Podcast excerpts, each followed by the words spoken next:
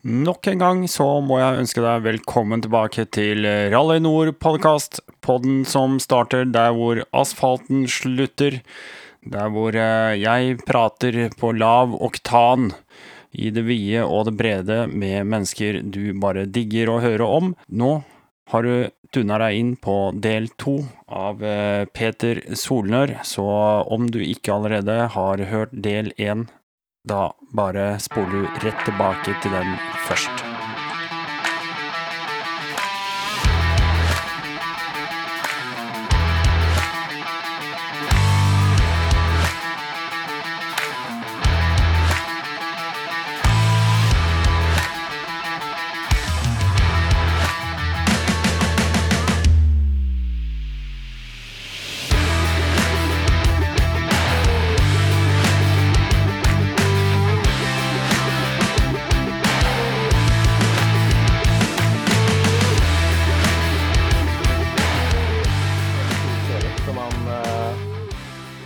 Tror jeg, jeg, jeg, tror han syntes det var veldig veldig kult. for han, Da han kom hjem, så tok han en eh, tatovering på låret av en lama, som vi så masse av.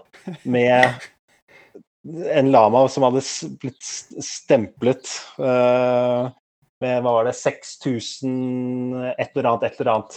Som var antall kilometer vi hadde kjørt sammen. da. Ah. så det har han ah. tatovert inn på låret sitt. En lama med en motorsykkelhjelm på. Og kilometer kilometeren som vi kjørte. Ja, kult. det er veldig gøy. Ja. Minne for livet. Ja, ja absolutt. Ja. Så da er det Ja, da har vi jo fra Santiago og helt ned til Tierra del Fuego, som er det sørligste punktet av Sør-Amerika, som eh, planen var å dra til.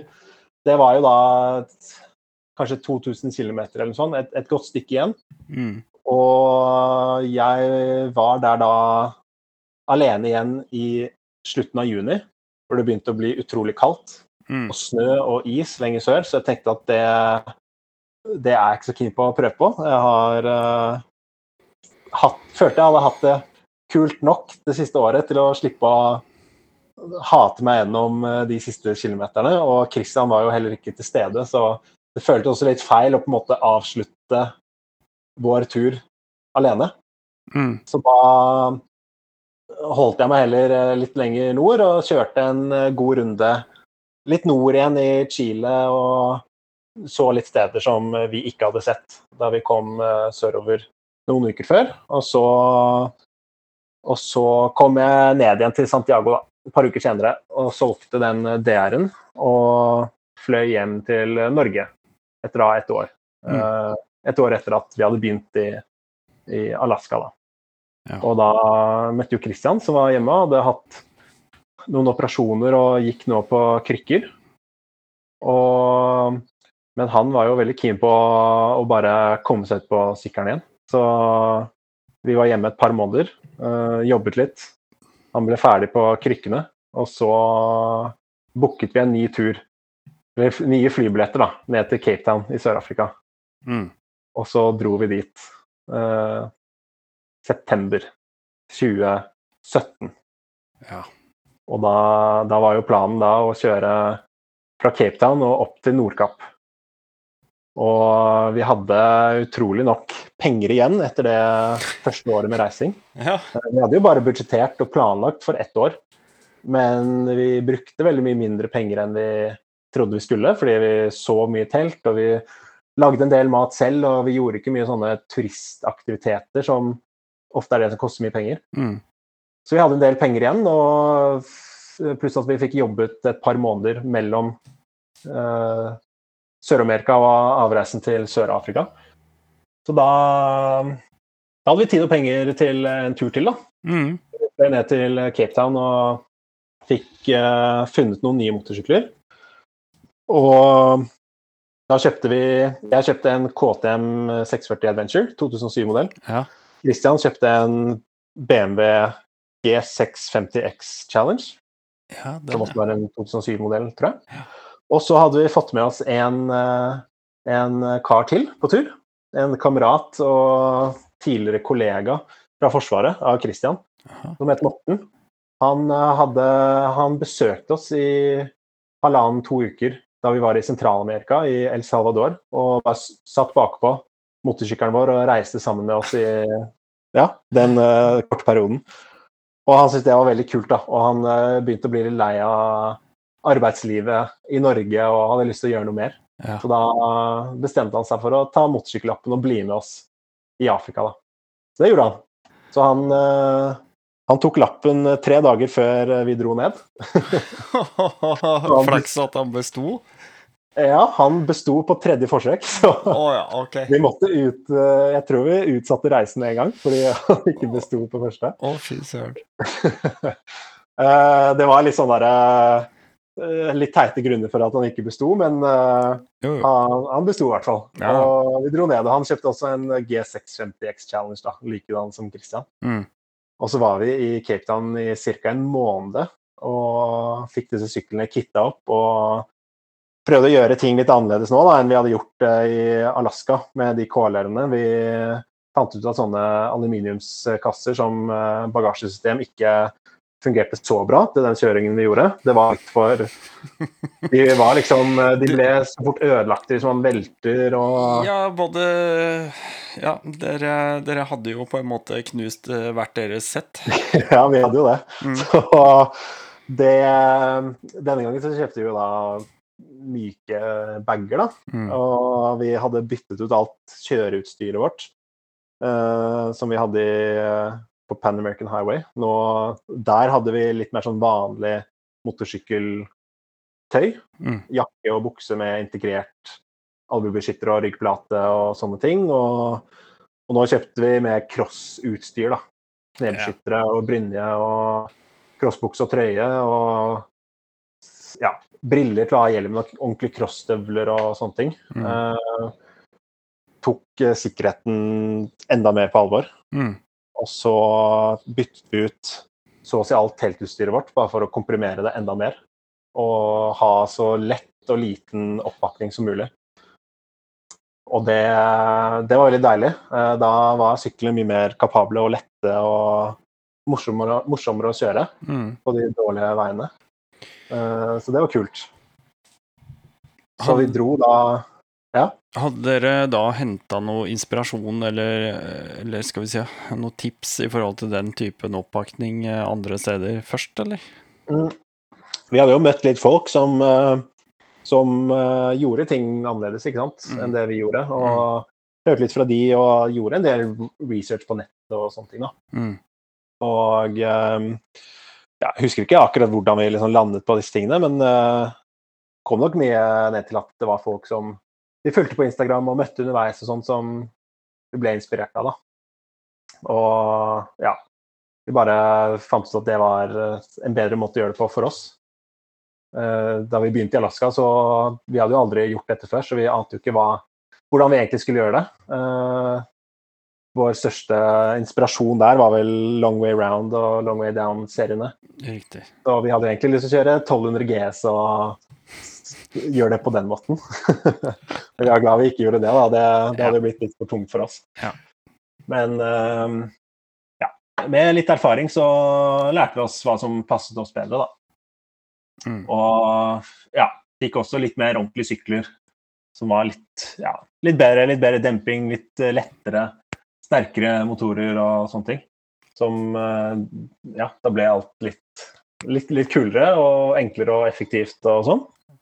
Um, så det, det, var god eh, Det var liksom god lærdom, da. Å finne system som funker for deg, og teste det før man legger ut på ordentlig tur. Og ja, hva enn du ender opp med, vil jo funke, men eh, det er ekstra gøy når du har akkurat det du Eh, ja, tenker er best. da. Ja.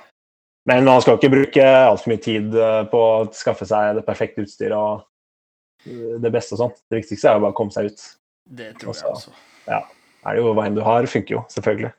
Ja. Um, så ja, vi dro da fra Cape Town i oktober 2017. Og så kjørte vi nordover uh, til, mot Namibia. Uh, og det var litt uh, knall og fall på veien for, for Morten. Han var jo uerfaren, ikke sant. Og, og det ble en ordentlig pangstart for han. Og vi, eh, ja, vi dro jo ut på disse veiene som vi liker å kjøre på og sånne ting, og det, det ble litt hardt for han, da. Så på dag, på dag tre så hadde han en utforkjøring i en sving hvor han sikkert så litt ut i grøfta Ja, og tenkte at stivna denne, ja, denne, denne svingen kommer jeg ikke til å klare. Og fløy utfor uh, ned grøfta, som var litt sånn dyp grøft, flere meter dyp. Og landet liksom på framhjulet, sånn at felgen bøyde seg, og det ene gaffelbeinet knakk og greier. Og han var heldigvis uh, ikke noe skadet, da, men uh, sykkelen tok jo real skade. Så da da hadde vi egentlig blitt enige i forkant om at vi kjører litt sånn Top Gear-stil. At hvis eh, noen eh, Hvis noe skjer med noen, så blir de sendt av gårde for å fikse det, og så drar resten uh, på tur igjen. Ja. så det gjorde vi. Ja. Så vi fikk, vi fikk organisert en eh, pickup og sånn, som kjørte Morten tilbake igjen til eh, Cape Town. Og fikset jo litt sånn hvor, han, hvor han burde dra og sånn sammen, da. Men uh, han ble jo sendt alene ned dit med sykkelen. Ja. Og, eh, og fikk da fikset sykkelen på noen dager mens Christian og jeg kjørte videre. Ja. Og tok jo da litt, litt flere omveier og litt saktere ruter oppover, da. Og så skulle Chris, nei, eh, Morten komme opp og møte oss eh, da sykkelen hans var reparert. Og da hadde han jo ca. to dager med motorveikjøring da, nordover for å møte oss eh, litt over grensa inne i Namibia. Og så den kvelden han skulle komme, så kom han aldri. Og så Skal vi se, hvordan var dette her? Vi fikk plutselig Da vi, vi var uten telefondekning, og så kom vi til campen vår på kvelden, og da vi fikk telefondekning, så rant det inn ubesvarte anrop fra et italiensk nummer. Så vi tenkte dette var rart, så vi ringte opp igjen. Og det var noen italienere som hadde funnet Morten da, på siden av veien i ørkenen i Bonna, bunnen av Namibia eh, med en sykkel som ikke ville gå. Og han lurte på om vi kunne komme og hente han. Men han var jo da ca. 40 mil, tror jeg, sør for oss. Og eh, dette var jo på kvelden, så vi ville ikke kjøre og hente han da, for det er jo Ja. bare direkte farlig. Neste morgen så dro, eh, satte Christian av gårde da, og kjørte ned for å lete etter han. Eh, så han visste jo sånn cirka hvor på veien han, han sto. Så da kom han over, eh, over en ås, og så får han øye på Morten, som går og triller BMW-en sin bortover veien i morgen, morgensolen. Eh, da er det ca. ti mil til eh, nærmeste by hver vei. Eh, men da hadde jo vært lys et par timer, og ingen hadde kommet ennå, så han tenkte han får bare begynne å gå, da. så da, da hadde han sovet ved siden av sykkelen sin eh, hele natta og vært der i 15 timer ca. Og det var bare to-tre biler som hadde kommet forbi hele den perioden. Det var de italienerne, og så var det en litt sketchy politimann som Morten ikke ville stole på. Mm. Um, og så hadde han ikke sovet den natten. Han satt heller oppe våken og prøvde å spare på vannet og maten han hadde med seg, da, i tilfelle det ble flere dager. Men det ble det heldigvis ikke. Kristian eh, fant han, eh, og han var ved godt mot. Og, og så fikk de organisert en ny pickup, da, så kjørte han til nærmeste by og åpnet motoren og fant ut den var helt totalhavarert. Fordi den hadde, kjø den hadde kjørt seg helt tom for olje. Åh, Ja. Det var veldig rart, fordi Morten hadde jo sjekket oljenivået før vi dro på tur tre dager før. ja. Men nå, nå hadde, var den helt tom, da. Og det var ikke sånn at det hadde lekket ut da han krasja på dag tre eller noe sånt heller. Da, det hadde man jo sett på noe vis. Ja. Så det var jo noe fryktelig galt med den motoren. Så da, da måtte jo den uh, sykkelen, uh, eller hele motoren, uh, bygges om, da. I Windhoek i Namibia. Så det tok jo ganske mange uker å få deler og sånne ting. Å, fy søren. Ja, så det, det, det var jo litt synd. Um, men da, da fikk Morten noen rolige dager her og der, og så møtte han noen backpackere som han reiser litt med og sånne ting, og fikk drept litt tid, da. Mm. Så det ble en uh, litt røff start på Afrika-eventyret for uh, Morten, men uh, han var jo ved godt mot gjennom det hele. Og han mente at det var en, en, del av opplevelsen, som jo er riktig Det er en god innstilling. Men, ja. men, da er egentlig et oppfølgingsspørsmål Er Morten motorsyklist den dag i dag? Han kjører ikke så mye. Han har, han har eh, fortsatt uh, motorsykkelen sin da, fra ja. Afrikaturen. Ja. Men uh, ja, han, han, kjører ikke så mye. Nei, det var en trang start. ja, vi, han, han syntes det var gøy å kjøre, men vi, Kristian og jeg, var definitivt større, ja, større fans av å kjøre. Ja. ja. Og mer erfarne. Ja, vi var det, og det var nok litt vanskelig for oss uh, å på en måte tilpasse oss en nybegynner. Mm. Uh, etter at vi hadde vært på tur sammen i et år. Og så får man med en helt fersk person som man må tilrettelegge for. Og mm. vi prøvde jo å ja, ikke sant, fortelle ham at du må kjøre i ditt tempo og sånne ting. Men man blir jo revet med og vil henge, henge ja. seg på mannen foran og ja, altså jeg personlig kjenner meg litt igjen i akkurat den der situasjonen der. Å være blodfersk og bare skal henge på. Skal bare, skal mm. bare. Og så er du Du er ikke god nok i nærheten til, uh, til å verken holde tempo eller uh, Du har ikke ferdighetene til å takle de, mm. de tingene som du møter. Og, ja, for det kan jo hende at du klarer å holde tempo, men så plutselig så kommer det noe ja. som du ikke har sett før. En eh, pump eller noe washout eller et eller annet. Og så vet jo vi helt godt hva vi skal gjøre med det, men nybegynneren eh, blir tatt litt på senga, da. Ja. ja. Så det var, eh, det var et lite eventyr, det, på starten i ørkenen der. Og ja, det ble mens, mens, dette foregikk også, eller dette var vel rett etter at motoren til Morten streika, så vi hadde igjen sagt adjø til ham på, mm. på, gjensyn. Da kjørte vi gjennom en nasjonalpark i ørkenen i Namibia, og så kommer det en Toyota Corolla susende forbi oss i ganske høy fart. Mm. Uh, godt over 100 på denne grusveien. Eh, og så tenker vi jo wow, de, de, dro på. Det må være noen lokale, lokalkjente folk. Og så går det en times tid, og så kommer vi over uh, over en eh, bakkekant, og så får vi øye på denne Corollaen igjen på siden av veien, men da er det noe som ikke stemmer, og så kommer vi enda litt nærmere. Og da ligger den Corollaen opp ned på taket. Ja. Og så er det to personer da, som står ved siden av. Og de var ikke lokalkjente, det var to backpackere fra Tyskland og, og Brasil. Nei. Ben og Wagner, som uh, hadde sust oppover i god fart, og det gikk jo helt fint. og Følte jeg hadde god kontroll og sånt. Og så ble det plutselig veldig mykt i grusen, og så fikk de litt sleng på bilen og, og ja, kom utfor grøftekanten og rulla rundt oppå taket. da.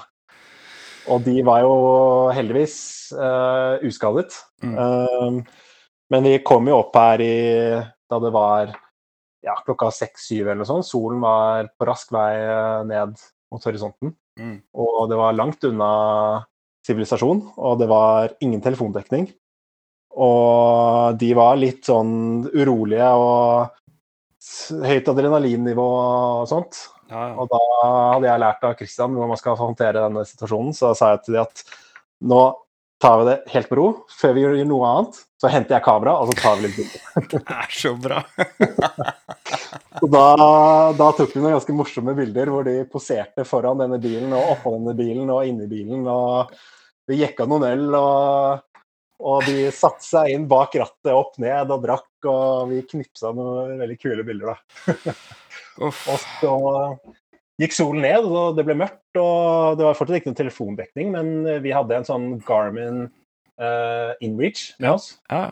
Uh, en sånn um, GPS-enhet da, mm. med toveiskommunikasjon til en nødsentral. Mm. Da fikk vi sendt et SOS-signal uh, og forklart i en tekstmelding hva som hadde skjedd. Altså, vi har funnet to personer med en leiebil som har uh, krasja i ørkenen, og lurte på om de kunne organisere en evakuering. Da.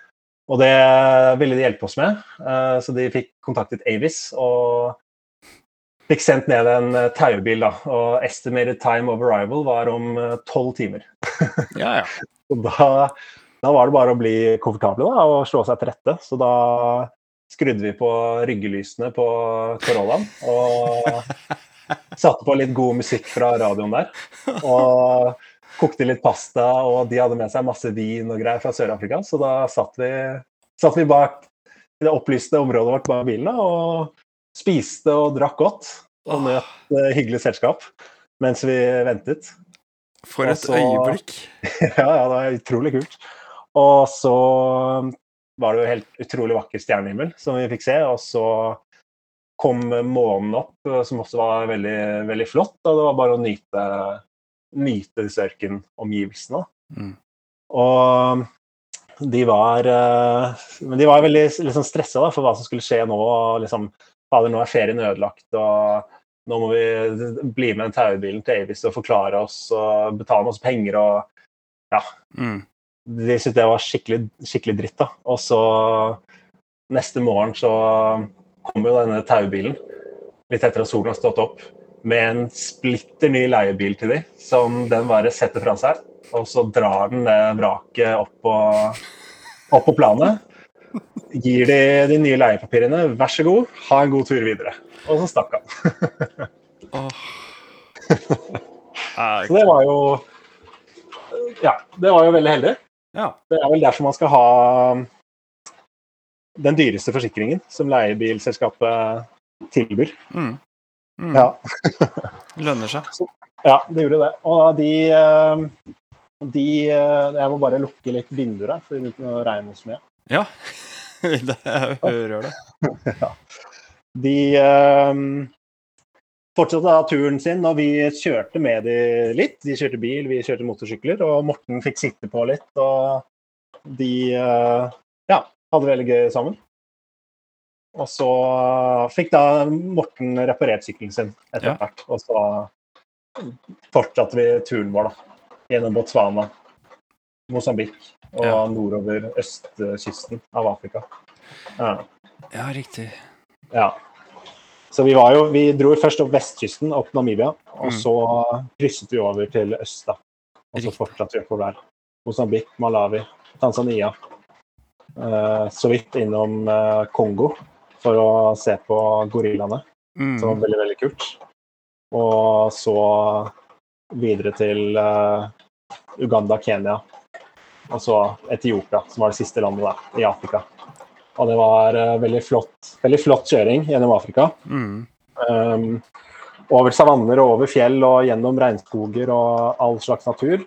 Uh, og fikk se mye dyr fra motorsykkelsetet, som jo var en helt utrolig opplevelse. Mm.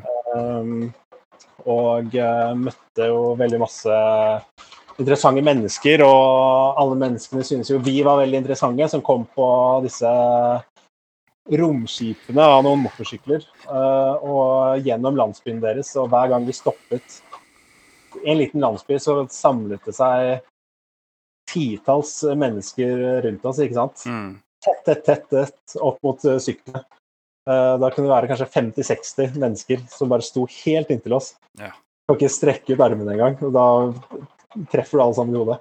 Står de og ser på deg og snakker med deg og tuller med deg og spør og peker på ting og synes dette er bare utrolig interessant. Da. Det kan jo hende at ingen har vært gjennom disse små landsbyene på, på motorsykkel før.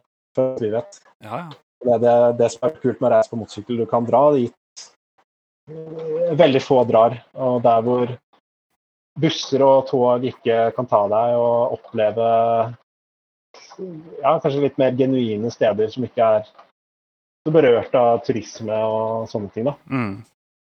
Så det var, det var, veldig kult. Og uh, vi hadde et par uh, et par sånne ekspedisjonsaktige etapper, for å kalle det slik som vi hadde i Bolivia over alt i planene der. En i Namibia, en i Kenya, hvor uh, vi krysset ørkener uten noen veier og spor bare eh, så å si bare følger kompasskurs med 45 liter fuel på sykkelen og 15 liter vann og mat for tre dager og navigerer oss gjennom sanda. Mm. Og kameler og stammer og folk som går ved siden av veien med geværer på skulderen og som vinker til deg og gliser med det største smilet du noen gang har sett. Og ja, det var he- helt utrolige opplevelser, da. Uh, Så det var veldig kult. Og, men ellers så var jo kjøringen i litt mer eh, befolkede områder, da. Vi så jo for oss at da vi kom til Afrika, så kom, kom det til å være mye mer sånn ekspedisjonskjøring, slik som vi hadde opplevd i Bolivia f.eks. Um, over store avstander med lite folk, men det er jo utrolig mye folk i Afrika. Veldig lett å finne bensin og mat og vann og alt som er. I stort sett alle, alle områdene. Så det ble ikke helt sånn som vi trodde det skulle bli, men uh, det, er jo, det var jo utrolig flott å, å da få møte så mange mennesker og se flere kulturer og, og sånne ting som Afrika har enda mer å, å tilby. da Mm. Kanskje Nord- og Sør-Amerika og Sentral-Amerika. Um, så det var eh, Ja. Det var jo helt fantastisk. Det var det. Og vi hadde Fikk litt besøk også i Afrika av broren min og, og en eh, veldig god kamerat av oss, som kom og leide en Land Rover. Og en sånn gammel Land Rover Defender Ja, ja. bygde om til en safaribil, så da parkerte vi sykkelen i, i en ukes tid og dro på tur med de. Og var på selv, selvguidet safaritur i Masai Mara og lette etter løver og nesehorn og leoparder og sånne ting, som var også utrolig kult, da. Eh, gøy å sitte sammen i én bil og oppleve ting og ja, ja.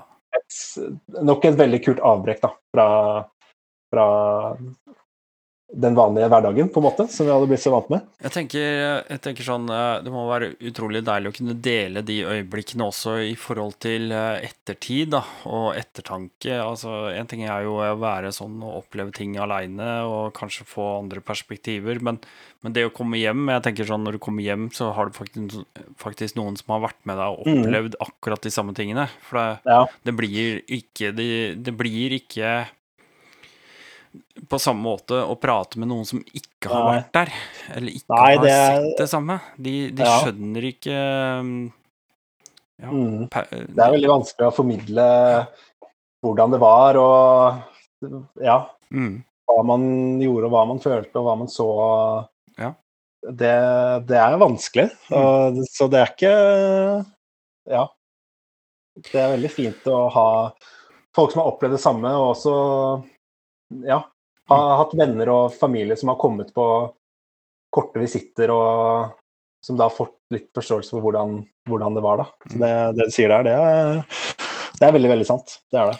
Eh, Etiopia var det siste landet, Ja. sa du? Ja, Det var siste landet. Etiopia det er jo ja, et, et lite godt stykke over, eh, over midten av Afrika. Ja. Eh, Da begynner du å nærme deg Da er du helt på kanten av Sahara-ørkenen, da, med Sudan og Egypt igjen. Mm. Uh, og planen var selvfølgelig å kjøre overland hele veien opp til Europa, men vi manglet litt dokumenter for motorsyklene. et Sånn carnet de passage, som er en slags pass for motorsykkelen. Ja. Um, som du trenger i enkelte land. Da. Vi trengte det ikke i noen av landene vi hadde vært i hittil, men Sudan og Egypt krever dette. Uh, det hadde vi ikke. Det er litt sånn kronglete å få tak i. Eller hvis du har det, så må du levere det tilbake Altså, vi hadde sørafrikanske motorsykler, og dette passet til motorsyklene, det får du ved å legge inn et ganske stort depositum i Mm. landet som sykkelen er registrert i, og så må du tilbake igjen til det landet med motorsykkelen for å få tilbake dette depositumet. Ja. Og det var jo ikke en del av vår plan å komme tilbake igjen til Sør-Afrika med syklene, så da hadde vi ikke det dokumentet. Og så begynte vi også å gå litt tom for penger og tid etter to år på tur. Mm. Så da tenkte vi at eh, det var like greit å bare sende syklene på fly fra Etiopia til Istanbul i Tyrkia. Så da Ja. hoppet vi over da de to siste landene i Afrika og, og Midtøsten, da, som også hadde vært litt vanskelig land å passere gjennom. Ja. Eh, planen var, hvis vi hadde tid da, og ordnet et sånt dokument, så kunne vi ha dratt til Saudi-Arabia fordi de skulle åpne grensene sine for første gang for turister. Akkurat. Eh, eller for eh, Ja, kanskje, tu, kanskje turister, eller bare eh, Gjennomreisende. Ja. Ja, ja. ikke sant? Mm. Men det ble veldig forsinket, så det hadde ikke gått uansett. Og så, ja. så det ble en veldig grei løsning å sende de opp. Eh, da hadde vi vært i Afrika i åtte måneder og, og opplevd utrolig mye. Og følte at vi hadde sett mye av det vi ønsket å se. Ja, da er vi i 2018, er vi ikke det? Det er vi. Da er vi Eh, i uh, ca. mai-juni 2018. Ja, og dette er vel et uh, veldig trøblete tidspunkt i forhold til Midtøsten. Uh, Ja. Hvis jeg ikke husker helt feil, hvis jeg tar feil av datoene, eller årstallene her. Altså, det er jo Det er jo Det hadde jo vært Hvis Saudi-Arabia hadde vært åpen, så kunne man kjørt igjennom. Og så til Israel, og så Libanon. Ja, Så tror jeg du kan ta ferge fra Libanon til til Tyrkia. Ja. Eller så måtte du ha kjørt gjennom Syria, og det hadde jo ikke vært mulig, selvfølgelig. nei. Nei. Ja, så det eh, Eller kanskje det hadde gått noen ferge fra Egypt og opp til Europa, eller noe sånt. Ja, Men ja. eh, det- det hadde vært kronglete, da. Det hadde jo tatt veldig lang tid og sånt. Mm. Så vi vil heller dra til Europa og, og begynne på Tetten, da. Som Mm. da akkurat hadde blitt startet, egentlig, lagd. Uh, Det var jo eller 2016-2017 eller noe sånt. Mm. Um, og det hørtes jo veldig kult ut. Vi hadde jo brukt ganske mye tid på å lage Finne kule veier å kjøre og sånn i Afrika og Sør-Amerika og sånt. Og, og nå bare komme til Europa hvor den ligger klar, var jo helt fantastisk. Mm. Og det var jo utrolig kul kjøring også. Så variert. Og stort sett så var jo kjøringen i Afrika på grusveier i, på veldig flate områder hvor det bare var en rett grusvei med helt forferdelige vaskebrett og Ikke sant. Så det var ikke alltid så veldig interessant kjøring sånn sett. Eh, Men da det ble interessant, så ble det ekstremt interessant, da. Eh, Mens i Europa så var det mye, mye mer variert. Så det var veldig gøy. Så da dro vi fra Istanbul inn i Bulgaria. Hoppet på Tetten og, og kjørte Kjørte gjennom, da, og det var jo utrolig krevende stier noen steder. De sa jo alltid at en 1200 G skal klare å komme seg gjennom denne ruta gjennom hele Europa, men eh, det var egentlig steder hvor vi var nødt til å snu, for det ble, det ble like, like farlig som denne, denne løypa bortover fjellsiden i Ecuador, hvor jeg Ja, mistet ja. KNR-en. Så det var, det var ganske krevende, eh, men utrolig kult. Og deilig å være i et kontinent hvor ting funker litt bedre enn i Afrika, og Ja. hvor det har butikker som Bauhaus, og hvor du kan bare plukke bolter og skruer du trenger på ti minutter, og ikke måtte gå gjennom et marked en hel dag for å finne prøve å finne det du trenger, og prute og ikke sant. Ja, ja. Selvfølgelig, det er jo på sånne steder hvor man opplever kule ting og møter interessante mennesker og hvor du liksom må jobbe litt for de enkle tingene. Men etter åtte måneder med det, så var det veldig deilig å komme til ja, litt mer siviliserte trakter. Det skal sies. ja. Så ja, Bulgaria, så kjørte vi opp til uh, Serbia og var så vidt innom der. Det var veldig flott. Og så inn i Romania. Mm. Og uh, møtte kule folk, og vi var veldig heldige å møte noen av disse Lines-mennene uh, ja, ja. i, i Tyrkia og Romania, annet, eh, som vi hadde hatt litt kontakt med underveis. da. Han eh, linesmannen i Tyrkia han kjørte også en G656 Challenge, sånn som Christian Morten. Mm. De hadde jo de, de- de fikk god kontakt sånn sett. Og um, han linesmannen i Romania, han, er, eh, han kjører mye rallyer, så han ble vi Han syntes vi var kult å møte. Mm. Og da fikk vi liksom vi fikk møtt de, fikk gode tips til ruter og steder å kjøre. og Som kanskje ikke var på Tetten, men Tetten var jo bare helt utrolig eh, ellers også. Så var det Ja. Kjørte vi opp Romania. ehm, jeg fikk litt motorsykkeltrøbbel i Romania, faktisk. Eh, så da ble jeg forlatt denne gangen. Ja. Um, så Christian og Morten de kjørte videre til Moldova og Ukraina. Mhm. Uh, så mens jeg uh, ble værende i Romania da, og fikk hjelp av John, han linesmannen, linesmannen Mhm. til å fikse demperen min som hadde røket. Og så møtte jeg da Christian og Morten i Polen noen dager senere. Og så fortsatte vi videre til uh, Litauen, Latvia og Estland. Og på Tetten, da. Ja. Og møtte litt folk som jeg hadde møtt på tur tidligere, i Afrika og sånne ting, som, eh, som var gøy. Det, det var et par fra Litauen som vi hadde møtt i Malawi, som kom eh, Som hadde sin hjemkomst i Litauen mens vi var der også. Så da var det stor fest og greier da, som vi fikk være med på. Det var veldig kult. Og de hadde liksom en del sponsorer og sånne ting, så de, eh, det var liksom ordentlig opplegg da, hvor sponsorene hadde arrangert Sponsoren av familien hadde arrangert ordentlig fest og kommet med eh, prøvesykler, for jeg, jeg tror de var sponset av BMW, så de kom med en splitter nye prøvesykler som alle fikk prøve. Så det var utrolig kult Wow. og gøy å liksom se, se dette motorsykkelparet Ja. komme hjem til familien sin og øh, Ja. Det var jo rørende å se. Hadde de vært borte lenge, da, eller? Ja, det hadde de. De hadde også kjørt hele Nord- og Sør-Amerika, og så Afrika, da. Så de hadde krysset eh, hverandre på et sted i Mellom-Amerika, tror jeg, men da Det visste vi ikke. Nei. Eh, men vi hadde fulgt hverandre på Instagram da, etter det her. Okay. Og så møttes vi helt tilfeldig igjen i Malawi, bare på et hostell. Så det var veldig kult. Og så linka vi opp igjen da, i Litauen. Kult. Og så, ja, dro vi videre oppover eh, til Estland, da. Og det var veldig kult å se Øst-Europa. Jeg hadde aldri vært der før. Mhm. Det er jo, ja, i hvert fall for meg, da, litt mer sånn eh, land som man ikke alltid drar til, som Ja. Romania og, og sånne ting. Og mye, jo mye gammel eh, kultur, mye, Ja, det det. mye flott, gammel bebyggelse, og eh, ja, jeg, eh, jeg er veldig fascinert. Ja, jeg ble utrolig betatt av det. Mm. Og så det var veldig kult. Um, så dit skal jeg definitivt dra tilbake. Og kjøringen var jo helt, helt rå. Ja. Så det kan jeg anbefale på det sterkeste. Altså. Mm. Ja, og så dro vi videre til eh, Finland. Ferge fra Estland til Finland, og så kjørte vi vel tetten, tror jeg, nordover gjennom hele Finland. Brukte et par uker på det. Ja. Uh, Det var også ganske kult, men det var, det var jo ganske flatt og en del sånn rette grusveier gjennom, gjennom skogen. da. Ja. Um, men veldig fine innsjøer og steder å stoppe og telte og sånne ting. Uh, men uh, ja, vi kommer nok ikke til å legge ruta dit igjen med det første. Nei. For det var jo det var, det var litt mye av det samme, da.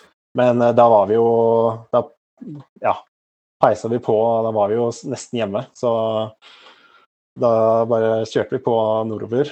Og så kom vi da inn til Kautokeino og Eller Karasjok, var det vel. Mm. Og så opp til uh, Nordkapp, da. En uh, augustnatt. En regnfull augustnatt Deilig. kjørte vi forbi uh, porten ut på platået der. Ja. Så det var jo det var veldig kult.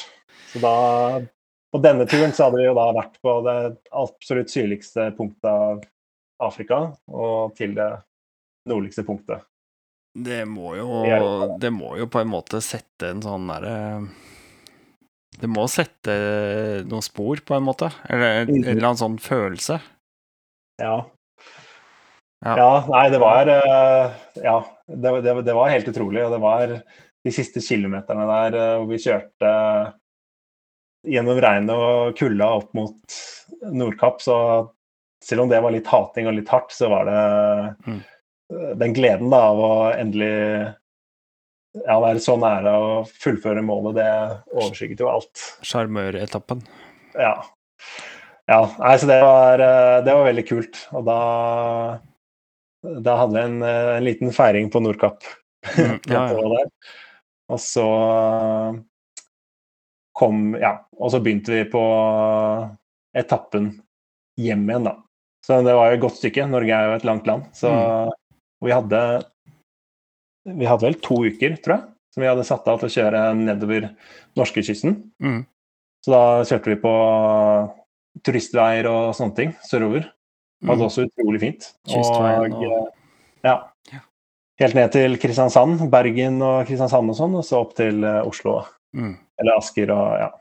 Når er dere hjemme, da? Da var vi hjemme Jeg husker ikke datoen eksakt, men det var vel midten av august 2018. Ja, ja.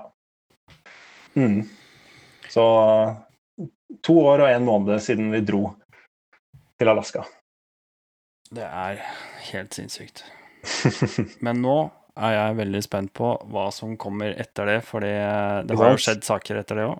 Men eh, siden denne podden blir såpass lang, så har vi faktisk tid til eh, å minne om at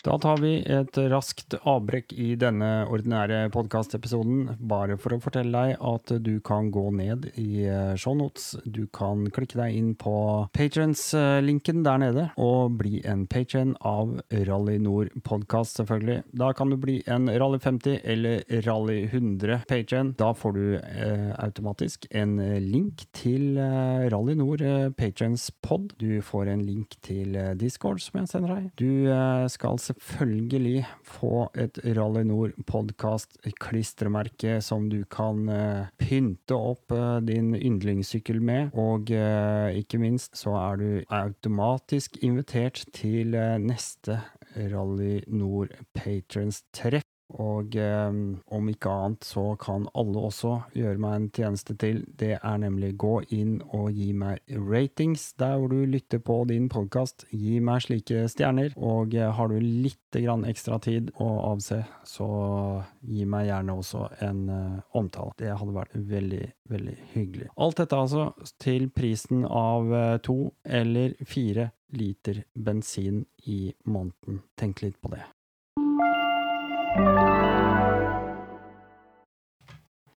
Helt skamløst. Den eh, to eh, Hva var det å si? To eller fire liter bensin, det er fin sånn måleenhet. Ja, jeg tenker Ja. det.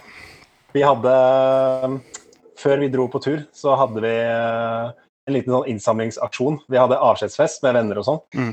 Og da eh, Du kjenner kanskje til konseptet Pay us forward. Vi lagde Ja. konseptet Vips us forward. Ah, Og da kunne folk eh, sponse oss med penger til sant, 10 liter bensin, 15 liter bensin, 20 liter bensin. Ja. Eller 3 øl, 6 øl, tolv øl. Ja.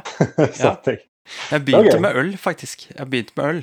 Ja. Okay. Enten billig øl, eller litt eh, bedre øl, eller poløl. Ja, ikke sant? ja. Ja. Det jeg tror jeg er en effektiv måte å gjøre det på. Ja, ja. Du, vet du hva, jeg er veldig spent på å høre, fordi at uh, det er klart vi må spole oss framover. Det, du har, eh, du har eh, hatt noen opplevelser underveis og uh, plukka med deg et eh, ja, relativt uh, kjent eh, løp som eh, foregår. Og Ja. det ga deg jo selvfølgelig noen ideer og ville fantasier om at uh, dette har du lyst til å gjøre også. Mm. Ja, det er det. Det er jo Dakar Rally de snak snakker om der. Mm. Altså som jeg oppdaget, kan man kalle det. Jeg vet ikke om jeg visste hva det var engang før vi dro på tur. Mm. Uh, dette var jo en verden som var helt ukjent for meg. Så Men da vi kom eh, sørover mot Sør-Amerika, så ble det på en måte litt snakk om det her og der. Og um, vi begynte på denne tiden å følge Lynn Poskett, som også var på tur i, uh, i Nord- og Sør-Amerika samtidig som oss. Um, og han, uh, han skulle jo kjøre dette racet. Og så kom vi ned til Sør-Amerika etter at Caralli hadde vært, da, men da snakket jo de lokale om det. og «Å, denne landsbyen eh, gikk racet igjennom, og bla, bla, bla. Og, så det, det var jo noe vi bare, bare måtte se nærmere på. Og ja, da vi fikk se hva det der faktisk var, så var, virket det jo utrolig kult. Og bare sånn den ultimate ultimate motorsykkelkjøringen da, som vi kunne se for oss, i hvert fall. Mm. som er krevende og det kuleste terrenget og igjen over landegrenser og hvor du utforsker og vet ikke hvor du skal, og det var jo på en måte litt sånn som vi kjørte, bare på steroider, da. Uh, så det var liksom noe jeg begynte å tenke at uh, det kunne være kult å begynne med etter, etter den reisen. Mm. Det var jo veldig mange som spurte hvor, hvor, går reisen videre etter at dere er ferdig med deres to års motorsykkeltur. Men det var liksom uh, Hadde egentlig ikke noe særlig godt svar på det. Hadde ikke det så, så innmari lyst til å fortsette å reise på den måten. Mm. to år var på en måte nok på mange måter, og vi har fått sett mye. Og, men det var jo krevende, og du er borte veldig lenge. og det koster veldig mye og, og, sånne ting. da. Så jeg tenkte det kunne være kult å begynne å gjøre litt andre ting. Og da virket rally helt utrolig kult, da. Mm. Og jeg nevnte jo også at uh, da vi var gjennom, Europa, nei, gjennom Romania, så møtte vi Lines, uh, Tett Lines-mannen fra Romania. Mm. John Florea. Og han er jo Han har kjørt veldig mye rally, kjører aktivt. og så jeg ble jo, fikk se hans 701 som han hadde bygget om til en rallysykkel. da. Og den var jo så rå, ikke sant. Og den uka jeg var i Bucarest der, så var, da var han på rally, så jeg møtte jo han etterpå og fikk høre hvordan det var. Og ja, det virket jo bare helt sinnssykt kult. Så det var jeg jo keen på å gjøre, da. Og jeg drømte jo selvfølgelig da om Dakar og gjøre det, men uh, skjønte jo at det, man begynner ikke der. Nei. Det gjør man ikke. Nei. Så jeg fant ut at Hellas Rally kunne være en veldig bra start. Eh, det er det største, mest populære amatørrallyet i Europa. Mm. Så jeg begynte å se litt på det da vi kom hjem fra tur i 2018. Um, og da da begynte jeg bare å se, på, se, litt på det og lese litt og sånn. Jeg var jo helt blakk, så måtte jo Det var en stund til jeg kunne prøve å gjøre noe sånt selv. Ja. Men i, i, mot slutten av 2019 så, så bestemte jeg meg for å melde meg på Hellas Rally neste, neste år, da. Um. Og det og, og, begynte å liksom klargjøre sykkelen og kjøpe roadbook og Ico og alt det der. Og begynte å glede meg. Begynte å kjøre litt enduro ja, enduro for å trene litt. Uh, så til å begynne med så kjørte jeg bare på 640, som jeg uh, gjorde Afrikaturen med. Mm. Og det var jo selvfølgelig veldig tungt, men ja, det gikk OK. Kom meg gjennom løypa. Jeg måtte bare jobbe litt hardere. Du hadde jo den sykkelen jeg møtte deg. Ja, stemmer det. Ja. Mm. Så den, eh, den, eh, den, dugde, den. Den var jo sliten etter, etter å ha kjørt 40 000 km gjennom Afrika og Europa, men eh, den Ja, det gikk OK. Men etter hvert så kjøpte jeg meg en endurosykkel da, og begynte å kjøre litt mer på den. Um, så det var litt sånn ja, Kjørte enduro litt her og der, og begynte å utforske litt grusveier som vi hadde i Norge. Vi ante jo ikke Kristian og jeg, vi hadde jo ikke sett på dette før vi dro på tur, ikke sant? så vi ante jo ikke hva som fantes i hjemlandet vårt da vi kom hjem fra tur. Nei. Uh, og, men begynte å utforske litt, og så begynte vi å se litt på OTC og greier. Og skjønte at Finnskogen er det jo litt, så vi dro litt ut dit. Kristian han har en hytte midt i Finnskogen. Uh, bare et par kilometer fra Tetten, så vi var litt der og kjørte og syntes det var veldig kult. Um, og, eh, men så ble jo da Hellas Rally uh, utsatt pga. korona. Um, det ble utsatt til neste høst, og så ble det til slutt avlyst da, det, det året. Det var jo litt kjipt, men, uh, men sånn var det bare. Det mm. var jo ikke mulig å gjøre noe med det, selvfølgelig.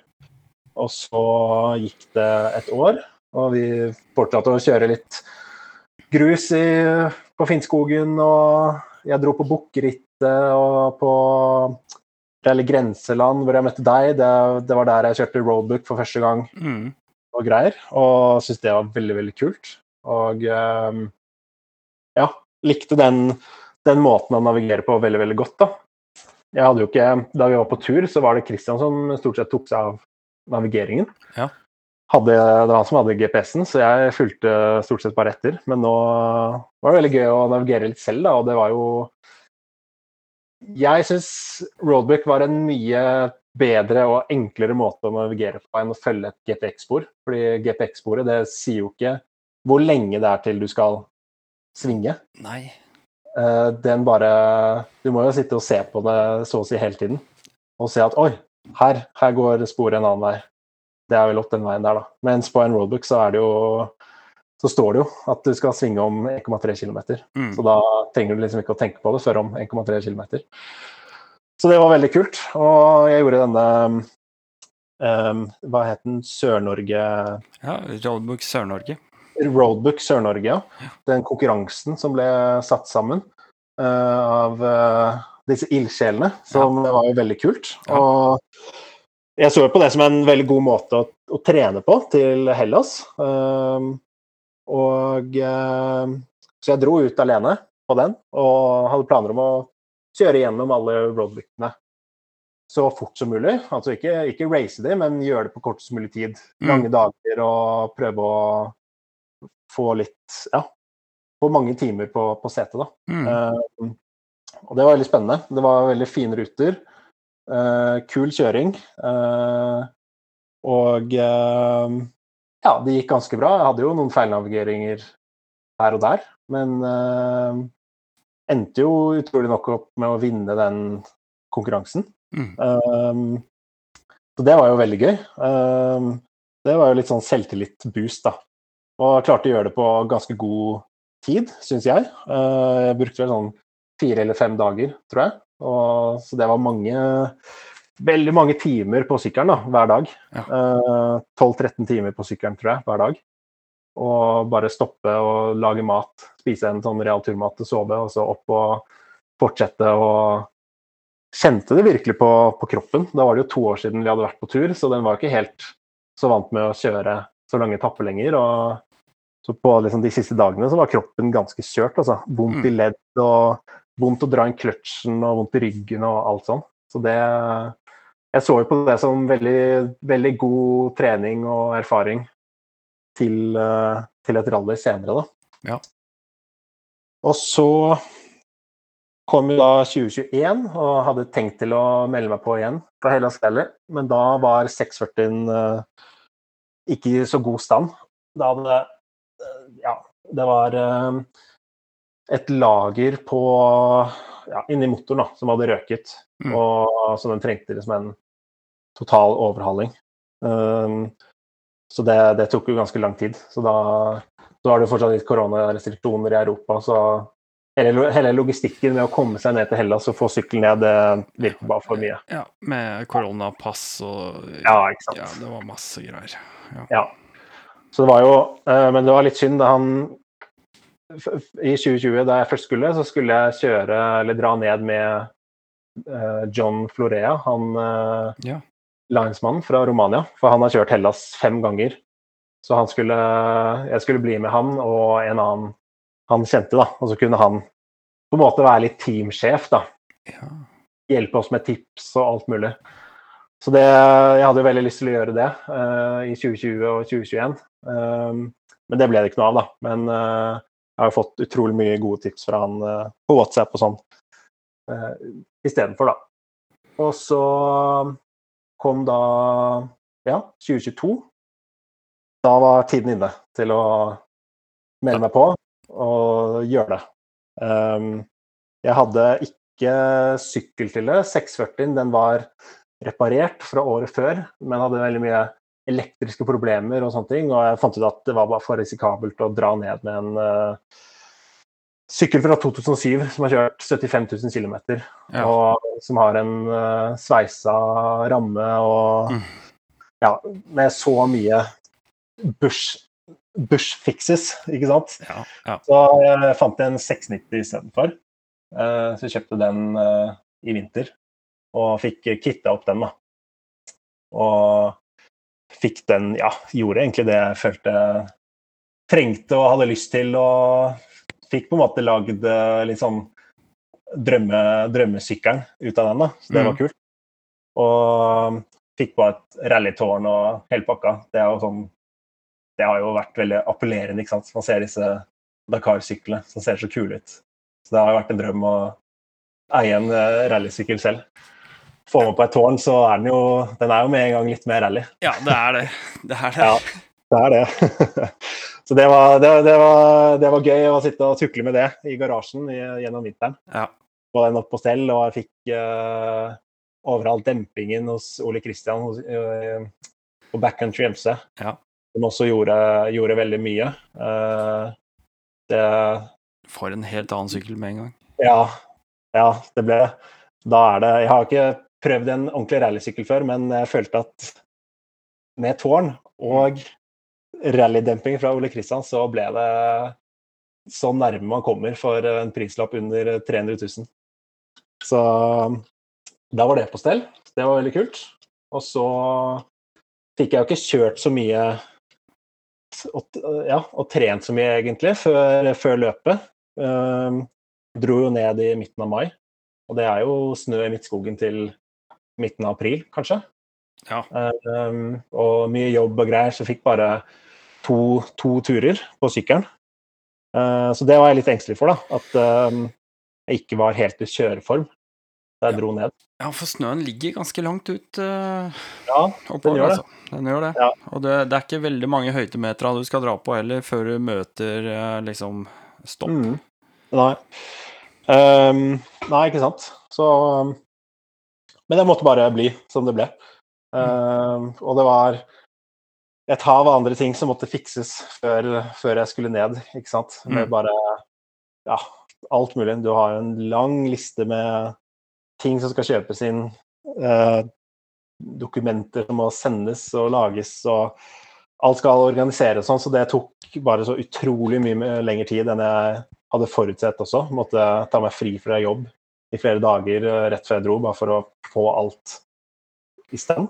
Eh, men uh, alt uh, fikk Ja, jeg fikk jo fiksa alt, da. Og dro ned uh, 17. mai. Ja. Og da dro jeg til eh, Sverige, hvor det var to andre som skulle ned til Hellas, rally, Ja. og kjøre.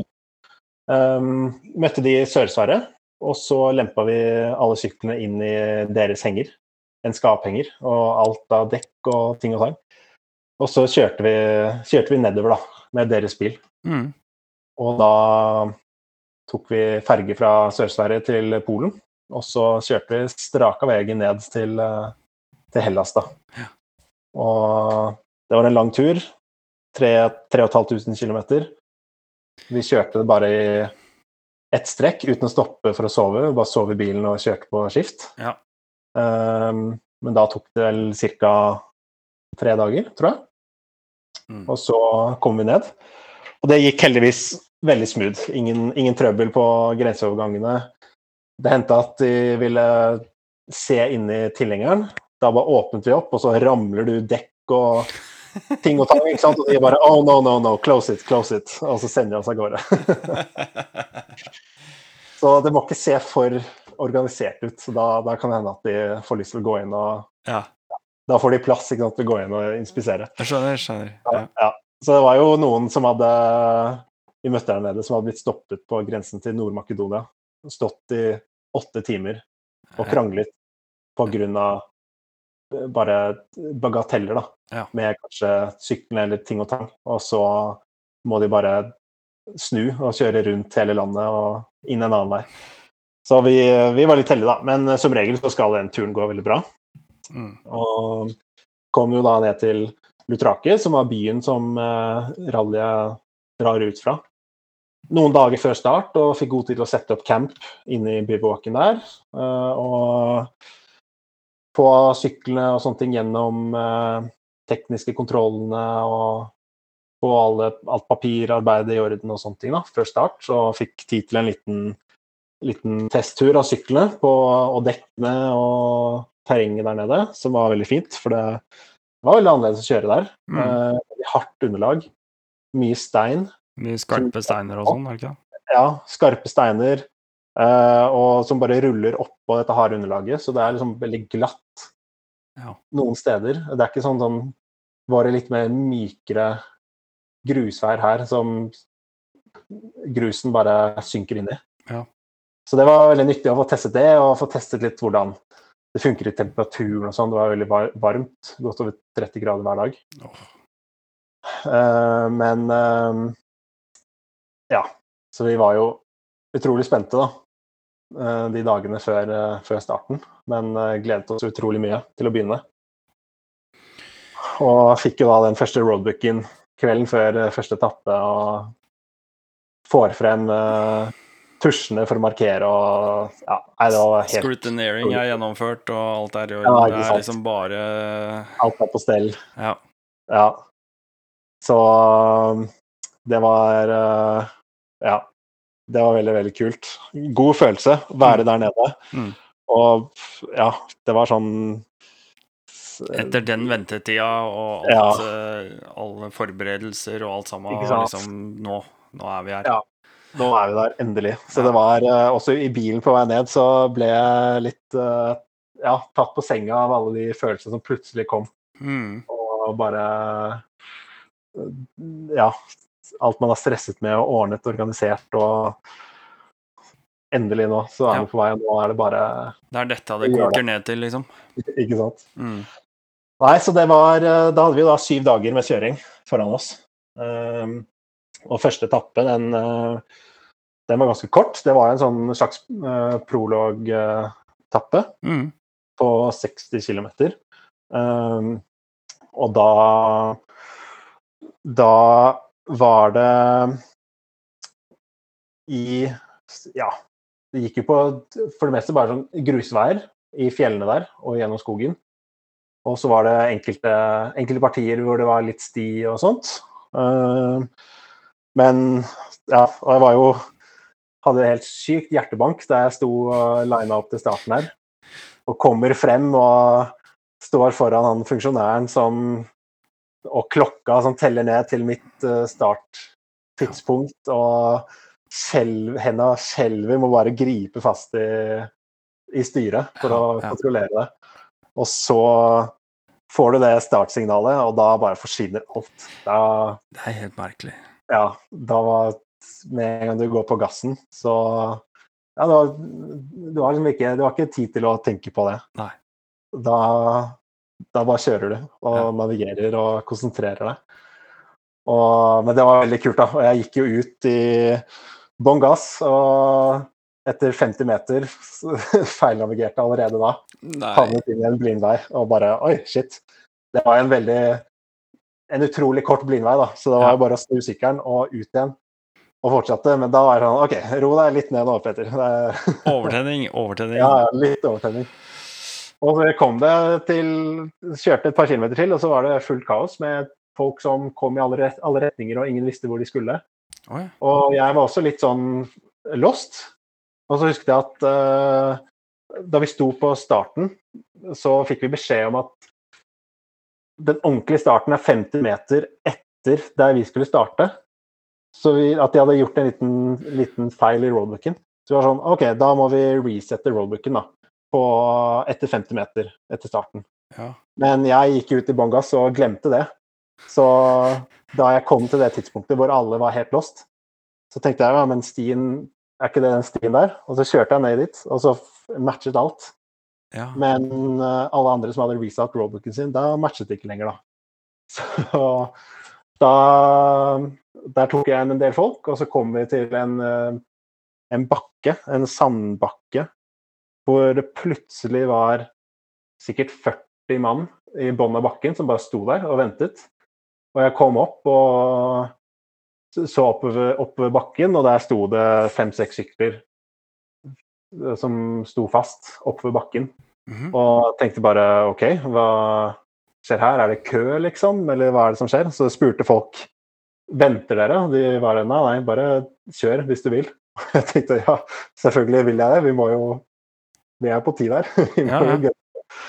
Og kjørte opp og kom meg jo opp nesten hele bakken og uh, fikk uh, kvelte motoren nesten på toppen, så måtte bare padle opp uh, siste biten. Um, det var, det, akkurat det var litt rart. At den bakken som ikke var så krevende, den var jo den er verre enn det du møter på en grusvei, på en måte, men det var ikke full enduro enduro-bakkeløp heller. Nei. Men der, eh, den tok ut veldig mange der, da. Selv om de var på lette sykler og sånn. Yes. Så, men det kan jo at den lille enduro-kjøringen jeg hadde et par år før, at det, at det hjalp litt. da, Får håpe det. Mm.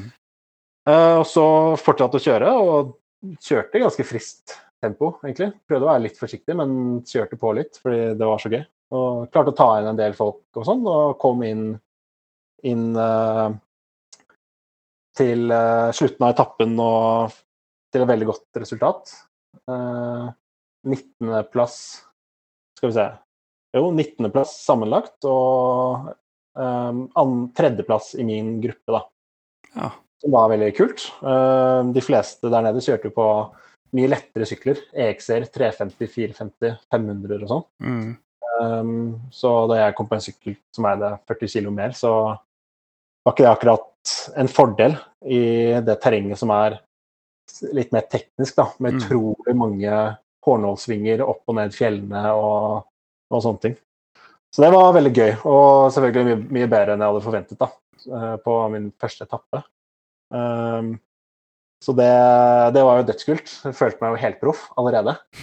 Og tenkte fy i Dakar, det, det kan være det, det blir neste, og bla, bla. Og Ja. Sto opp grytidlig neste morgen. Da hadde jeg jo fått veldig tidlig starttid, ikke sant. Ja.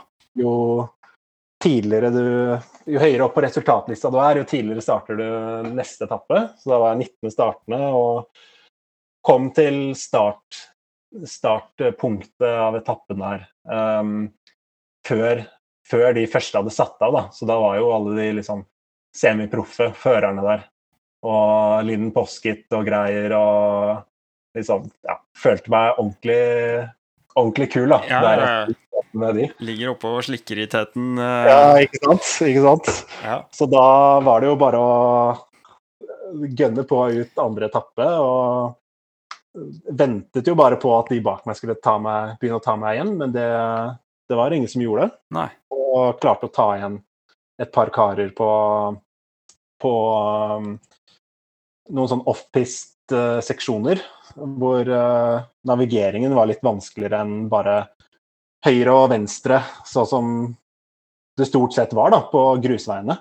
Uh, men der klarte jeg å ta igjen litt folk og sånn, og så, så følte jeg at jeg gjorde det igjen veldig bra da, på den etappen. Og ca. halvveis, etter sånn 100 km, så gjorde jeg en veldig dum navigasjonsfeil i en um, i en fartssone gjennom en landsby. Så av og til så gikk etappen av grusveien og inn i landsbyer eller ut på asfalt og sånne ting for å få deg videre da, til eh, en ny eh, grusvei, f.eks.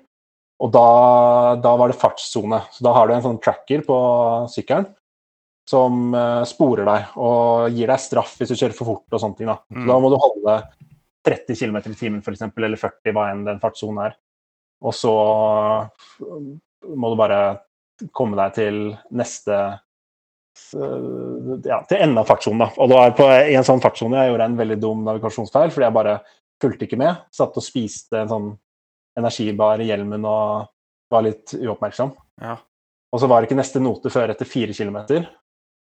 Så kjørte fire kilometer da, i 40 km i timen, og så virket ikke den svingen helt riktig. Den var, sånn, den var 400 meter off ja. fra roadien. Så jeg sier dette her må jo være feil, men jeg har en GPS-ICO. Mm. Den kan av og til være litt feil når du er oppe i fjellet eller inne i skogen. Signalet dropper litt ut, og så klarer den ikke å telle helt riktig. da. Mm. Så, men jeg tenkte ah, det må vel likevel være feil, så da jeg, begynte jeg å kjøre tilbake igjen. Og hadde kommet nesten helt tilbake til der jeg gjorde feilen opprinnelig. Og da kom det en sånn SSV, en sånn uh, firehjulingbil, og tre motorsykler mot meg. Og de bare pekte den veien jeg kom fra, og sa nei, nei, du, er, eh, du var på riktig vei. Og jeg er sånn hæ, hva er det? Kan ikke ha vært det. Men jeg begynte å tvile, og alle gutta som kjører her, de ser jo så proffe ut, ikke sant? Med de syklene og dekaler, og de har det kittet, ikke sant? Ja. Så når du kommer som en total nybegynner, så Ja, du stoler mer på de enn eh, deg selv, da. Ja. Så da snudde jeg, og så kjørte jeg fire kilometer tilbake igjen. Og så skjønte vi nei, dette er feil. Og så var det fire, fire kilometer tilbake igjen til jeg hadde Og hadde sikkert mistet 40-50 minutter, ikke sant. Det gikk jo så sakte. Nei. Jeg var jo kjempesur på meg selv. Da kokte det i hjelmen. Oh. Og, og tenkte nå, nå må jeg prøve å kjøre inn litt tid der. Og da kom jeg ut av fartsetappen, eller fartssonen, og dro jeg på litt for hardt. Og så gikk det bare et par kilometer, og så hadde jeg en krasj da, ned en, ned en veldig sånn sporete bakke. Uh, hvor jeg må ha mistet front, uh, framhjulet eller et eller annet sånt. Så sykkelen Jeg low-sidet ned den bakken, og sykkelen liksom sklei rundt og sklei baklengs ned bakken og rev av footpeggen og støtta og litt sånn. Og jeg skadet albuen litt og, og greier. Og tenkte bare faen heller, liksom. Nå Det var det. mm. For det skal jeg bare kjøre nå uten footpeg. Og så tok jeg noen minutter og var litt uh, sur på meg selv og lei meg og sånn. Og så tenkte jeg at man må bare prøve å reparere det. Vi har jo reparert alt mulig rart ute i bushen før. så da dro jeg frem masse strips og klarte å stripse fast um, fothvileren tilbake på ramma. Sånn at den var, sto på plass, men Ja. jeg kunne ikke Du har i hvert fall noe å lene deg mot, på en måte. Jeg hadde noe å lene foten på. Ja. Og fikk kjørt videre, da. Og måtte ta det veldig rolig. Måtte sitte hele veien. Og kom til Kjørte vel 10-15 km til uh, bensinstoppet, og da, da stopper de tiden, og så får du litt tid da, på å fylle bensin og sånne ting. Kaste i deg noe mat. Mm. Jeg brukte bare litt ekstra tid der på å få på noen flere strips og spise litt godt og bare ta meg sammen litt. Og så kjørte jeg de resterende 100 km uh, i rolig tempo for å ikke skade noe mer. Mm. Eh, bare fokuserte på navigasjonen istedenfor. Da gikk det litt lettere i disse offpist-seksjonene, hvor du følger en kompasskurs og bare ja, er ute på en gresslette og sånne ting. Mm. Eh, og kom meg i mål, da. Og selvfølgelig veldig dårlig resultat. Da var det sånn 130. eller 140. plass eller noe sånt. Eh, det var mye dårligere enn dagen før, men hadde i kommet meg gjennom og fått en liten lærepenge, da. Mm. Ting skjer fort. Du måtte ta det med ro. Så det handlet egentlig bare de neste dagene om å ta det, ta det litt mer med ro, kjøre litt mer safe. Komme meg gjennom og ja, se litt eh, mer nøye på roadbooken der hvor det er eh, farer. Det skriver de jo inn.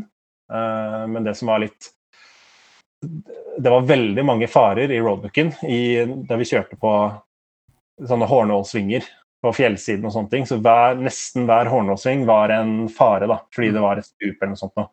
Det er jo sånn, du, du ser det når du kommer til svingen, så du glemmer litt og Du tenker ikke så mye over de farene lenger. Nei. Så det plutselig var en fare for noe annet, veldig sporete vei eller noe sånt, noe, så var det Ja. Uoppmerksomhet. det var, det litt, var jeg litt uoppmerksom, så jeg begynte å følge litt mer, mer med på. da. Mm. Uh, men ja, så fikk eh, Fikk da en ny fothviler da jeg kom tilbake til bivouaken. Eh, for han som lager de fothvilerne, han eh, deltok også på rallyet. Og han hadde teltet ved siden av meg, så det passet jo veldig bra. Og han har livstidsgaranti på fothvilerne sine. Det var ikke tilfeldigvis Boosley? Nei, det var det ikke. Jeg måtte bare spørre. Ok. Nei, jeg kjenner ikke til eh, de. ja. Ok, ok. Nei. Nei, det er eh, cross country, eh, cross country ADV, heter de. Ah, okay. Så de, eh, de må jeg bare få nevne her nå. Shout-out. Ja, en liten shout-out til, til de. Det var god, god kundeservice og god footbag. Ja. Selv om den brakk. Ja. Den var Footbagen bøyer seg jo tilbake, ikke sant? Ja. men den bøyer seg ikke den veien. Eh, den ble dratt av da sykkelen sklei baklengs ned. Nei. Da var det enten den eller den braketten Ja.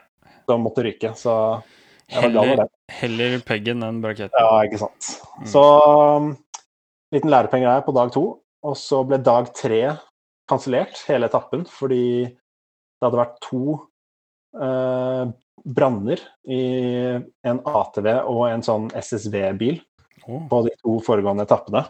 Um, ikke helt sikkert hvorfor, men det må ha vært noe bensinrelatert, da.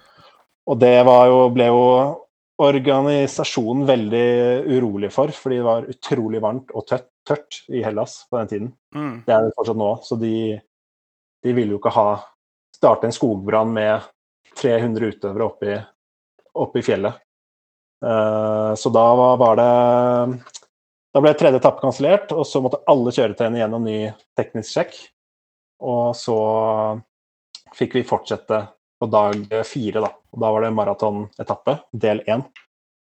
Så en maratonetappe på ca. 300 km, som da gikk til en uh, ny bivouac, en remote bivouac, uh, på ja, eh, litt unna der vi opprinnelig var. Mm. Og så en ny maratonetappe dagen etter tilbake igjen til hovedbivouaken. da. Så det var, det var veldig kult. Det var to tøffe, lange dager. Mm. 12-13 timer på sykkelen med, med etappen og transportetappene. Um, men uh, ja, det var jo veldig, veldig kult. Bra, bra ruter, bra roadbooks. De er jo så utrolig punktlige, de roadbookene. Ja. Hver eneste, hver eneste ting ikke sant, er jo notert der, så det er jo nesten for mye. Så du må Du venner deg litt til hva du må følge med på, hva som ikke er like viktig. Men uh, når du liksom har skjønt det, da og bare tar til deg den viktige informasjonen, så er det veldig gøy, da. Da, da kan du liksom kjøre litt, litt raskere enn det du ser, fordi øh, hvis det plutselig er et hull i veien, så sier den ifra, og Mm. da ta det litt med ro, altså ellers så kan du gi på litt, da. Så det var, det var veldig kult. Men, uh, men du kjører et eh, Det er jo et eh, Dette er jo Malemoto.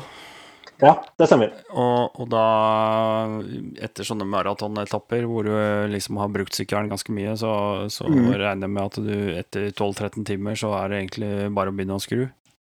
Ja, det var Jeg, jeg måtte ikke gjøre så mye, faktisk. Nei, ikke skru, men altså det er liksom enkle ting. Er Servicer, oljeskift, kanskje. Det var Hver dag så byttet jeg luftfilter, og så gjorde jeg eh, Ja. s- smurte kjede og gikk over en del bolter og sånne ting. Eh, eiker.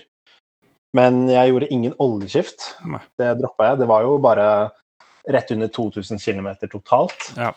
Så man, man kan jo gjøre et oljeskift, men Ja, ja. jeg tenkte at det ikke var nødvendig. Og- det er bare et spørsmål, egentlig. Ledende, ja, kanskje, men eh, Ja. dog. Nei, så det, det var ikke så mye, men det, det er alltid litt. da, Man bruker jo alltid en time eller to på det. Mm.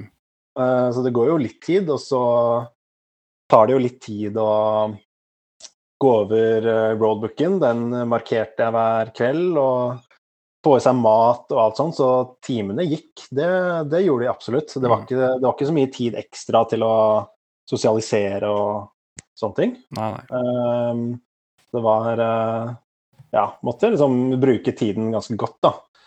Det, det måtte jeg. Uh, men jeg var jo heldig å ikke ha noe ja, mekaniske problemer og eller noe sånt noe, utenom den footbagen. Mm. Uh, så det var ikke så mye jeg trengte å gjøre, egentlig. Så det var veldig, det var veldig deilig. Um, ja. Og så var de, de to maratonetappene ble ferdig, og jeg klarte å klatre litt oppover igjen på resultatlista. Um, og på den siste maratonetappen, som var dag fem, så fikk jeg vel en ny tredjeplass i min klasse, tror jeg. Altså M5-klassen, som var for um, 650 uh, kubikksykler, sånn som 690 og 701 og sånne ting. Ensylindra eh, sykler. Mm. Eh, så det var jo kult. Og eh, noe av 30.-plass totalt blant alle. Blant uh, rundt 300 utøvere. Så var jeg veldig happy med det og prøvde bare å fortsette, fortsette sånn. Ja. Og så var det dag eh, seks, nest siste eh, etappe, som var rundt 150 km, tror jeg. Gikk også veldig bra. Um, følte jeg hadde fortsatt en del å gi på, de, på nest siste dag. Eh, kroppen håndterte alt veldig fint. Jeg fikk eh, relativt mye søvn og følte meg veldig pigg, da. Så jeg kjørte på bare stortrivdes på sykkelen og med kjøringen og fikk eh, vel en ny topp tre-plassering i min klasse. Og så på dag syv, da, som var siste etappe, så lå jeg da på en foreløpig tredjeplass i min klasse. Mm. Så lå jeg an til å få, få en liten pokal, som var jo veldig kult. Mm. Eh, og så Han som lå bak meg på fjerdeplass, han, lå på en, eh, han var to minutter og ni sekunder bak meg. Så, og det er jo ikke mye etter, etter uh, nesten 1700 km med kjøring. Nei. Og 20 timer eller noe sånt da, til sammen. To minutter og ni eh, sekunder. Det er jo helt utrolig. Ja. Og vi hadde, vi hadde ligget og liksom kjempet eh, en stund da, de siste dagene. Um, så da visste jeg at nå må jeg bare uh, kjøre Jeg må kjøre bra, men safe. For å få det her inn uh, Ja, få den pokalen. Mm. Uh, og så går det bare fire-fem kilometer på siste etappen der, og så har jeg en velt i en sving. En, en, en hårnålsving, så det var jo veldig lav fart. Men i en oppoverbakke, så jeg veltet sykkelen mot høyresiden, og så får jeg den opp, og så trykker jeg på starteren, og så vil den ikke starte. Det skjer ingenting. Som om tenningen er av. Tenkte hva fader, og så skrur jeg, prøver jeg av og på med kill-switchen. Uh, og den er jo sånn På 690 så må du jo vente fem-seks sekunder på når du skrur av og på kill-switchen, og det føles ut som en time, ikke sant, der. Ja. Og fortsatt ingenting. Av og på med nøkkelen. Ingenting skjer. Og da kommer den første personen forbi meg. Og vi startet med 30 sekunders intervall da, mellom hver person. Så da Mm. visste jeg at eh, nå har jeg stått der i 30 sekunder. Og sykkelen vil ikke starte, så jeg hopper av. Prøver å tenke. Kan det være støtte, støttebryteren? Nei, det kan det ikke være, fordi jeg har jo den dongelen og tenkte kan det være clutch-bryteren? Så jeg begynte å følge den ledningen der. Alt det så fint ut. En ny person kommer forbi, så nå har jeg mistet ett minutt. Og skjønner ingenting. Av på med tenningen igjen, ikke sant. Ny person, ett og et halvt minutt. Og så prøver jeg å trillestarte ned, da. Tenker jeg får bare prøve det. Mm. Og snur sykkelen og triller den ned og dumper kløtsjen. Og da starter den og går rett opp på Nei, rev-limiteren. nei. Jeg skjønner ingenting, så prøver jeg å dra gassen tilbake, og den sitter jo helt fast. Ah. Og så bruker jeg masse kraft, og så får jeg dratt gassen frem igjen, da. Og så skrur jeg av motoren, og da starter den igjen som normalt. Så da er det jo da håndbeskytteren som kommer rundt, ikke Ja, sant, ja, styret og fester inn i styret. Ja, den bøylen, den har, den har blitt dyttet innpå gassen gasshåndtaket og lås gasshåndtaket fullt åpent, og da da, Da vil den ikke starte. den position-sensoren inn. da. Så da, og idet jeg merket det, så kom liksom fjerdeperson og femteperson bak, eller forbi. Så da har jeg mistet uh, to og et halvt minutt, da, vet jeg. Så da måtte jeg bare snu den sykkelen fort som fy og gønne på videre. Og da bare glemte jeg alt jeg hadde lært fra krasjen på dag to. Da var det bare å gønne på. Ingen tid å miste. Og null risikotenking, og havnet jo bak masse støv. Det var, det var jo så tørt, ikke sant? så det var utrolig mye støv. Ehm, og måtte jo bare kjøre så, så, så, så å si blindt gjennom dette støvet. Og klarte en etter en da, å ta igjen de fleste av disse som hadde kjørt forbi meg. Uh, og hadde det, hadde det veldig gøy på denne etappen også, selv om det var litt, uh, litt, litt mer skummelt. Og så kom jeg inn, uh, inn til slutt, sluttområdet og fullførte etappen, og det var jo selvfølgelig en utrolig god følelse etter syv harde dager. Og ja, for jeg ikke visste om jeg kom til å klare å fullføre engang, og nå sto jeg på uh, sluttfeltet og var ferdig. Det var utrolig kult, men jeg var jo også litt urolig for denne tredjeplassen, da, om jeg hadde klart å sikre den. Mm. Da var det bare å vente på han fjerdeplassen, Komme inn og se sånn cirka hvor lang tid det tok. Og han kom inn, og da tenkte jeg at ja, jeg tror det gikk mer enn to, to minutter og ni sekunder her. Og det, det gjorde det, da. Så da fikk jeg tredjeplassen. Så det var jo utrolig kult. Veldig gøy. Oi, oi, oi.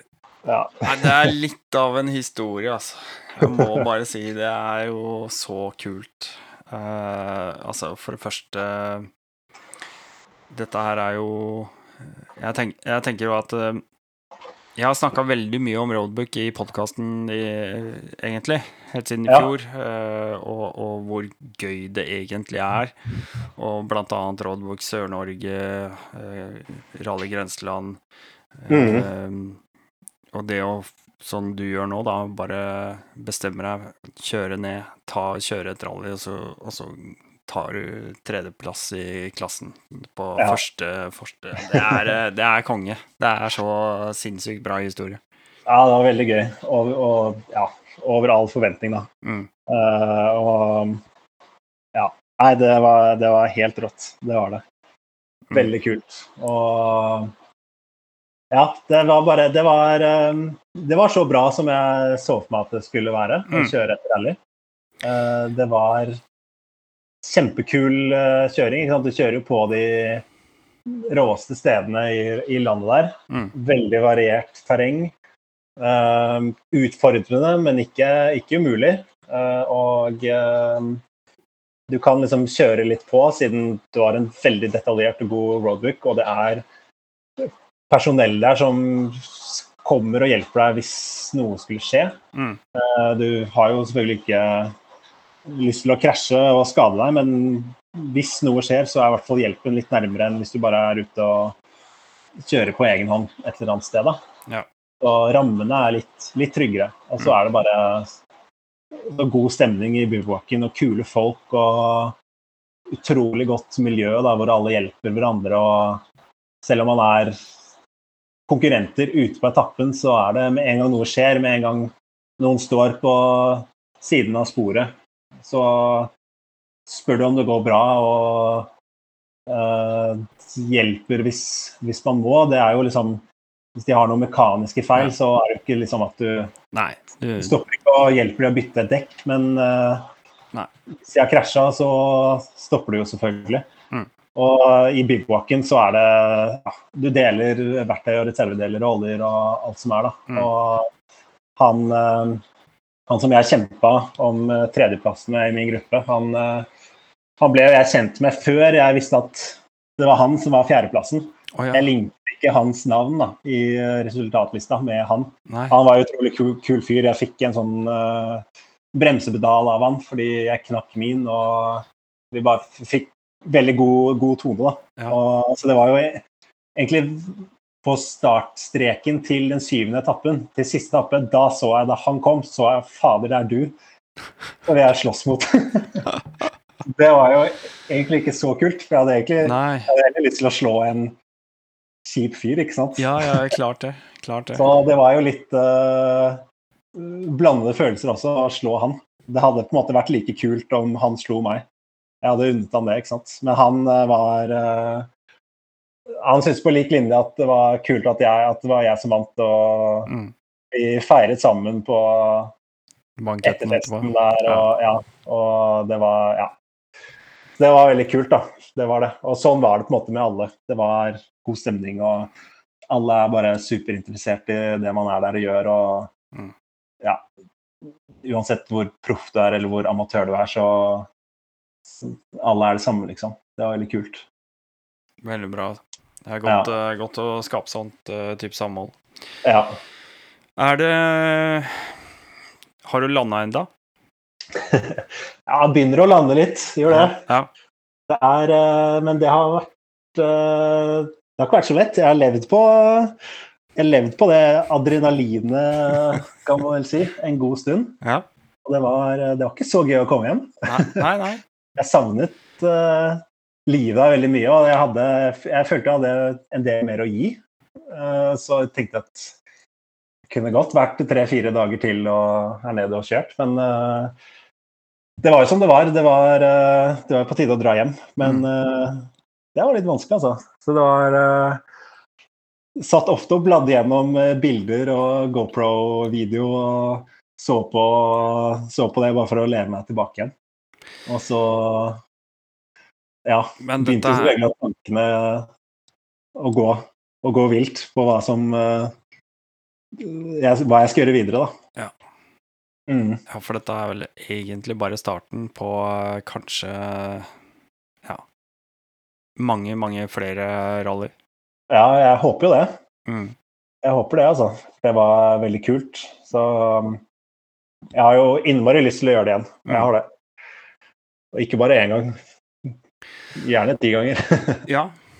ja. Nei, og du, du er jo Altså, du er jo i en alder som jeg mener at eh, nå er det bare å smi mens jernet er varmt, Mm. og, og kjøre på. Um, Ja. Det er sånn. Mm. Ja, jeg, jeg er jo det. Så- Kroppen, eh, kroppen restituerer bedre, du tåler mye høyere påkjenninger over lengre tid. Og ja, altså det gjør du når du er eldre også, for da er kroppen herda på en annen måte. Men, eh, men eh, dette med restitusjon og sånne ting, eh, det er mm. Du er nok i, i en veldig god alder nå til å Ja. fortsette bare gønne på. ja.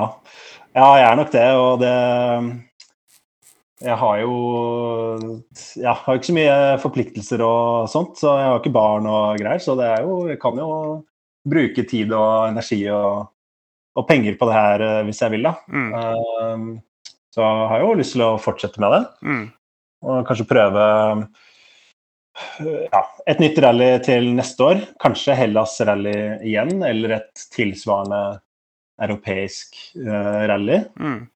Og så ja, se etter det. Men det er nok lurt å ta noen flere à la dette Hellas rally da, igjen. Bare for å få litt bedre erfaring og, og sånn med det. Helt klart.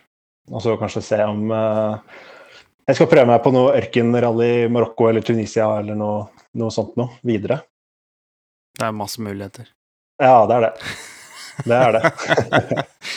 Men nå på fredag, tror jeg, da tror jeg de slipper eh, rutene for Robux Roadbook Sør-Norge for eh, Ja. 2022. Mm. Så for de som ennå ikke har eh, klart å navigere så mye som én note i hele sitt liv, så er det muligheter, og eh, veldig, veldig, veldig moro. Ja. Det kan anbefales på det sterkeste, og det er en fantastisk tur vi har rett i vårt eget eh, lille nabolag. Så det anbefaler jeg. For de som ikke har mulighet til å fylle bilen til en svenske med utstyr og verktøy, så er det virkelig noe å tenke på. Ja, Helt enig. Ja. Dra ut og kjør den. Jeg sier er sånn. Og mm. jeg gleder meg veldig, for jeg har vel en følelse av at på et eller annet sted så kommer våre veier til å krysses igjen. Du eh, bor i Oslo, jeg bor i Oslo også, merkelig nok. Eh, Ja, ikke sant? Så det er ikke så langt unna. Nei. Nei, det er det ikke. Det er ikke det. Nei. Nei, da krysser nok sporene våre igjen. Det må, Plutselig. vi, det må vi ordne. For alt jeg veit, så sitter jeg bare her og ser rett ned på deg et eller annet sted. ja, det kan godt være. Fra Grefsen. Fra Grefsen, ja, du ser nok sikkert ned på meg da. Jeg bor på Carl Berner, jeg, så Ja, da er ja, bare litt til venstre for meg, da. ja, litt til venstre. Ja, Sånn, det er morsomt. ja. Du, jeg tror vi bare runder av den eh, ordinære podden her, og så holder du linja et eh, lite øyeblikk. Eh, Mm. Peter Solnør, tusen hjertelig takk for at du har vært med i Rallnord-podkast. Jo, bare hyggelig. Det var veldig, veldig gøy å være med. Det syns jeg jo. Kjempeartig å ha deg med. Da sier jeg bare, som jeg alltid sier, sjalabais. Og da heter det Hva heter det da? Spør du meg? Ja, Oi. hvis jeg sier sjalabais, så sier du Norske ordtak, altså. Nei, jeg, Da sier du sjalabais. jeg sier sjalabais. Selvfølgelig. Sjalabais. Greit, det.